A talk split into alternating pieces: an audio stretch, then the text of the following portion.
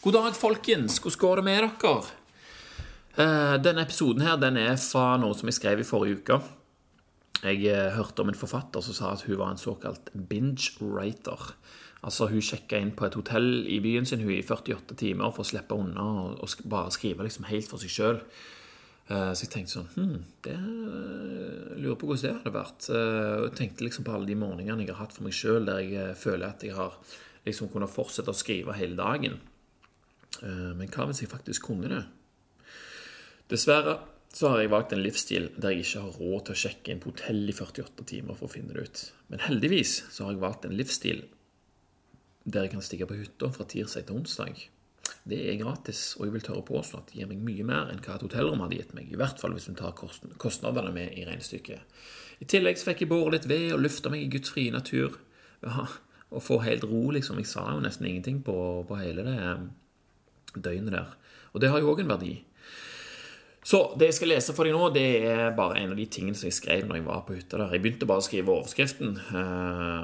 Jeg skrev om det å gjøre noe vanskeligere enn det egentlig trenger å være. Det var det jeg skrev, og så kom det bare ut, liksom. Jeg vet ikke helt hva det er, det som kom ut heller.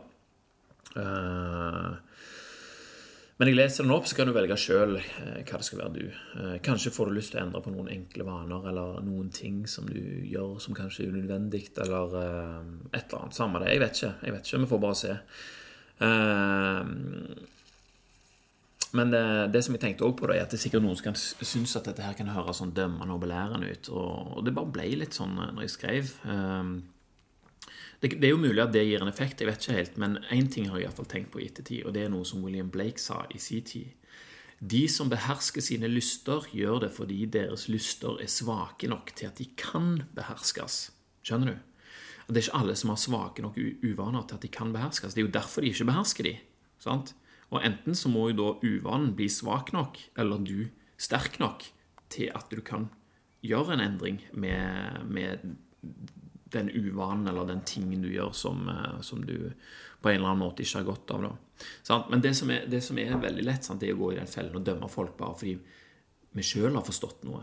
Sant? For å ta et eksempel fra meg sjøl, så husker jeg når jeg, når jeg slutta å røyke da jeg var 22 Jeg husker jeg hadde vært på ferie i Vietnam to uker og røykt sikkert tre-fire pakker til dagen og var helt sånn Helt uh, fucked. Jeg bodde i Kina, da så jeg husker jeg kom hjem, sto på kjøkkenet og røykte ut vinduet. Og så, før jeg var ferdig med røyken, så bare knipset jeg den ut, og så heiv jeg røykpakken ut, uh, ut vinduet. Forurensa til og med. Helt jævlig. Og da var jeg ferdig med røyke. liksom, Bang! Cold turkey. Kald kalkun. Og det tok ikke mer enn en eneste dag før jeg hånte de som fortsatt gjorde det. Altså de som fortsatt røykte. liksom bare sånn, Herregud, røyker du, liksom? Men jeg gjorde det samme sjøl liksom, for én, to, tre dager siden. Er du med på tanken? altså Det er lett å gå i den fella der.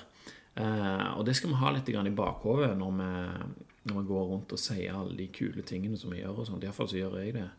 Og selv om det er lett å forstå hvordan en sjøl har endra på noe, så må en òg forstå hvor vanskelig det kan være for, for, noen andre å forstå det som du snakker om. Ja, ja. Ok, nok snakk om det. Nå må vi høre på denne her greia. Nå skal jeg lese, lese opp dette her. På Coop-en i Sauda er det ei stor skyvedør. Sånn som det er på nesten alle butikker. Takk for omtanken til Coop som ønsker å avlaste meg for det tiltaket det er å åpne døra med hendene mine. For det hender faktisk at jeg har de fulle og trenger ei dør som åpner seg av seg sjøl. Da er den god å ha. Men hva med når jeg ikke trenger den? Skal jeg fremdeles benytte meg av den da? Service fra en robot som skjønner at jeg kommer? Ved siden av den store skyvedøra så er det ei dør som kan åpnes manuelt. Jeg setter pris på den. Jeg er ganske god til å åpne dører ennå. Jeg er ikke imot teknologi og framskritt som hjelper oss i det daglige, jeg, altså. Men jeg vil gjerne benytte meg av det når behovet melder seg. Forhåpentligvis er det veldig lenge til jeg ikke klarer å åpne den døra sjøl. Fram til da så vil jeg åpne den manuelle døra så sant jeg ikke har hendene fulle. Og det er fordi at jeg har tatt utfordringen.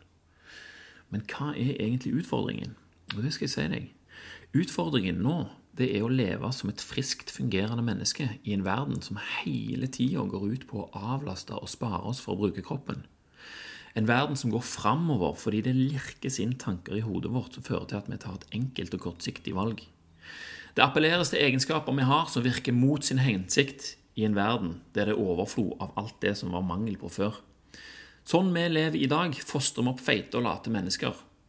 Bli støtt om du vil, det er opp til deg. Men det er bare de med forutsetningene på plass som slipper unna. De forutsetningene kan være så mangt, men en av de er viljestyrke. Vi blir hele tida utsatt for fristelser og gode grunner til å gjøre det vi vet ikke er til vårt eget beste i lengden. Alle vet i større eller mindre grad hva som er bra, og hva som er dårlig. Det er mange som gjemmer seg og ikke velger å ta dette alvorlig med seg sjøl. Det er vanskelig å nyte dårlige vaner samtidig som en skammer seg. De ubehagelige tankene skyves bort. Til slutt så er det en enkel sak å gjøre det samme som i går, og det samme som uka før, og det samme som i fjor. Det er blitt en vane nå. Ingen tenking er lenger påkrevd. Årene går, og sakte, men sikkert er du lenger og lenger vekk fra den du egentlig er, og det blir vanskeligere og vanskeligere å komme tilbake. Både kropp og sinn. Hvordan skjer det? Hvorfor lar vi det skje? Vi er jo her på jorda i dag fordi vi har spesialisert oss på å overleve i det miljøet som har vært. Det er jo det alle artene som ennå lever, har gjort. De har spesialisert seg og klart å overleve sånn at de ennå lever. De andre har utdødd.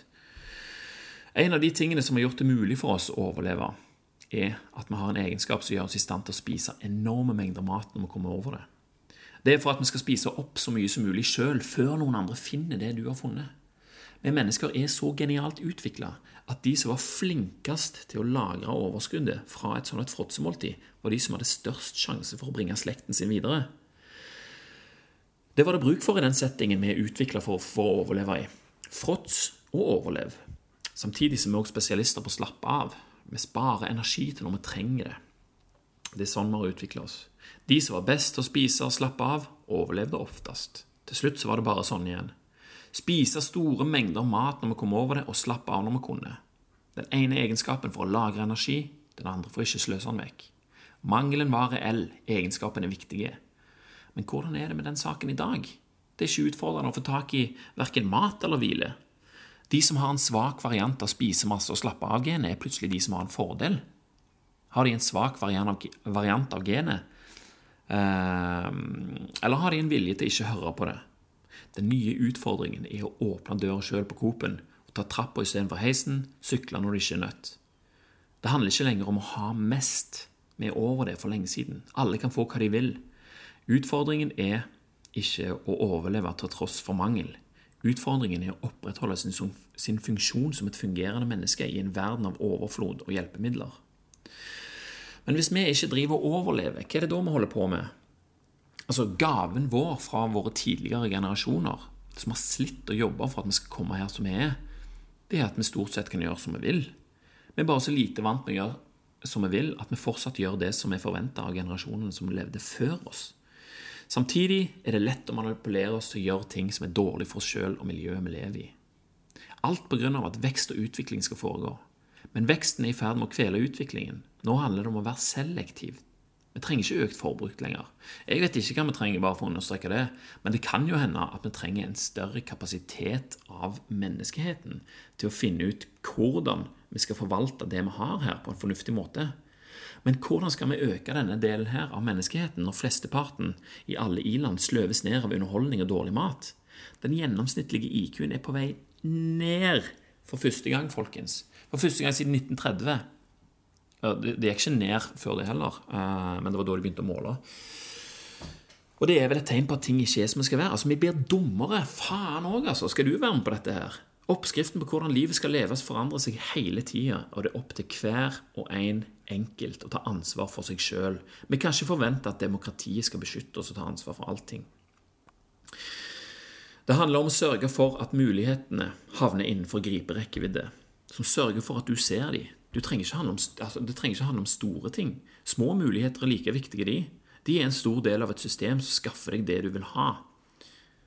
Er du en person som ser på alt du foretar deg som tap, eller vinn? Altså går det bare an å tape eller vinne?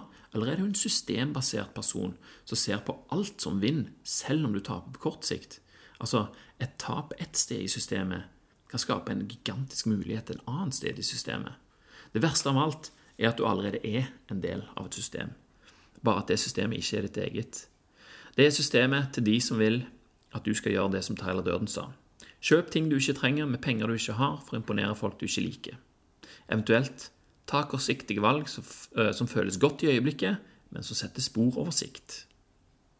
Lager du muligheter for deg sjøl? Hvis ikke, hvorfor gjør du ikke det?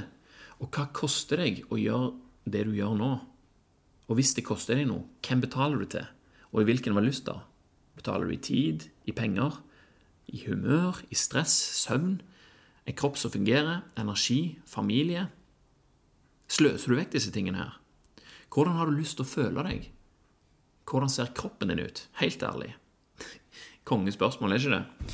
Hvis du stiller deg naken foran speilet, vil du ganske enkelt se hvordan du i din kropp har det. Behandler du kroppen din bra? Får han det han trenger av deg? Gir du han mat og sørger for at han fungerer? Eller gir du han mat og drikke som er kostbart for kroppen å takle? Mat og drikke som har begynt å sette spor du kan se. Blir det for mye og for ofte til at kroppen klarer å hente seg inn? Hva mer ser du? Hvordan ser huden din ut? Er han frisk? Øynene, da? Mørke og triste, eller er de fulle av liv? Hvordan er holdningen din? Er du rak i kroppen? Uff, jeg retter meg iallfall opp når jeg leste det. Sover du nok? Hvorfor sover du ikke nok? Stress på jobb. Hvorfor er det stress på jobb? Og hvorfor jobber du med noe som stresser deg? Er det du som er stressa, eller er det jobben som er stressende? Kan jobben takles på en bedre måte, som gjør at han ikke blir stressende lenger? Og har dette stresset her noen følger utenfor jobben? Fører den til at du er sliten og ikke kan være den personen du vil være? Blir du lett manipulert til å spise mat som setter spor? Blir du lett manipulert til å legge deg seint på kvelden? Se enda en Netflix-episode. Og en til. Er du innehaver av en kropp som virker? Er det sammenheng mellom det du spiser, og det du gjør? Trener du bra, men spiser drit? Eller motsatt? Eller er du en av de som trener for å kunne spise drit? Er den maten eller uvanen som setter spor på kroppen din, så god i øyeblikket at du er villig til å ta de langsiktige tapene dette her medfører? Er det kortsiktige behaget av din uvane verdt å ofre hvordan du vil ha det til daglig, både nå og i framtida? Desto flere ganger du gjør det, jo lenger unna kommer du. Hvis sporene har satt seg i kroppen der det er synlig, hvordan er det da med det du ikke kan se? Organene, hjernen, du forventer vel ikke at den skal slippe unna å fungere optimalt, selv om kroppen ikke gjør det. Folk sliter med å få unger i dag. Det finnes så klart veldig mange årsaker til det, men en av de er helt klart stress. Ja, ja, kroppen ser sånn ut, og hodet føles sånn. Skulle, hvor skulle jeg begynt, liksom? Hva om du så deg sjøl i speilet igjen om to uker? Hva ser du da? Hva har den personen opplevd på de to ukene som gjør at ting ser bedre ut? Ser du for deg hva det aller første lille steget mot noe bedre skulle vært? Hva har skjedd på de to ukene som får personen i speilet til å se sånn ut? Et gladere ansikt, en rakere holdning, en sjølsikker kropp, utstrålingen. Dette er en person som gjør ting vanskeligere enn et strengt tatt trenger å være i øyeblikket. En som ikke mangler selvdisiplin til å motstå alle disse latterlige innbydelsene rundt, rundt seg, som skal appellere til de mest automatiske av egenskaper og drifter som vi har. En som ikke tar til takke med det som blir servert. Det er gjort forsøk på dyr som foretrekker å jobbe for å kunne spise bedre mat framfor å få dårligere mat gratis. Du er ikke noe verre enn det.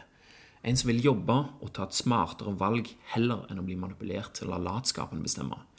Valg med langsiktig perspektiv. Du er en som tenker at du skal ha energi og funksjonalitet til å leke med barnebarna dine. Så langt fram tenker du faktisk. Vedlikehold og forbedring av tilstanden. Utsettelse av forfall, ikke motsatt. Du vet hvordan kortsiktige tankegangen tar deg. Du er en som kjenner igjen at det å åpne døra sjøl på coop er en del av systemet. Et system som gjør deg i stand til å kjenne igjen hva du må gjøre for å ha det sånn du vil ha det. Et system der alle gode vaner havner, enten de er små eller store. Det begynte med at du åpna døra på coop En liten beslutning, ja, men det var da du ble minnet på det. Du så for deg personen i speilet om to uker, og ja, det var det, ja. Bruk det. Ikke la den sjansen gå ifra deg. Ikke vær sta nå. Det er egoet ditt som sier at du har hatt rett før og ikke trenger å endre på noe. Egoet holder deg igjen. Egoet får deg til å tape. Bruk døra. Du, det kan du ikke tape på. La oss se hvor stort omfang denne ene lille beslutningen kan få. Hva hadde du tenkt å kjøpe før du kom på dette her? Kjøp noe annet, vel. Kjøp noe du vet gjør deg bedre. En reklame har prøvd å få deg til å kjøpe noe annet ved å appellere til dine instinkter for å overleve i en verden med lite mat. Noe så frekt. Kjøp noe som du vet gjør kroppen din godt, noe som gjør hjernen din glad. Ikke se den ekstra Netflix-episoden i kveld. Sett telefonen på flight mode. Legg deg en time tidligere og stå opp en halvtime før du pleier. Ja, hva skal det være godt for, da? Du bytter ut tom tid med restitusjon du faktisk trenger, og kapasitet du har bruk for. Kapasitet til å lage deg en frokost du faktisk har lyst på om morgenen. En som du kjøpte når du var innstilt på å møte deg sjøl om to uker. Frokosten som gjør at du vil ha enda mer ut av den enn å bare nyte den. Den frokosten som gir deg energi og lyst til å gå eller sykle til jobb med et smil.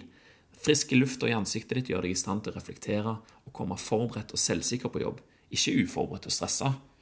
Du sier hei til folk du møter. Hei, hei! Du får et vennlig smil tilbake. En god følelse.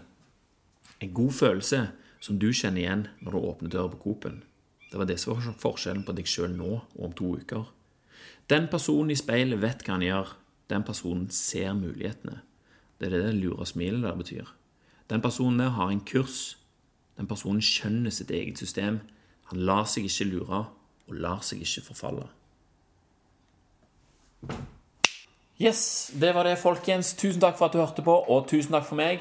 Du kan, hvis du vil, melde deg på nyhetsbrevet som erstatter all bruk av sosiale medier i forbindelse med denne podkasten her. Du kan melde deg på på podkasten.no. Bare trykk på 'Dagens', så kommer det en plass der du kan skrive inn e-posten din. Hvis du lurer på hvorfor jeg har gjort det sånn, så får du bare høre på episode 16. Tidligere har jeg hatt mye Jurassic Park-sanger og dinosaurgreier på hodet pga. sønnen min sine interesser. Det er nå bytta ut med noe helt annet. Vi har lasta ned et nytt spill på Wii, eller det er ikke helt nytt, det er fra 1991, men like godt for det. Her har du Sonic the Hedgehog, Green Hill. Takk for nå, og snakkes!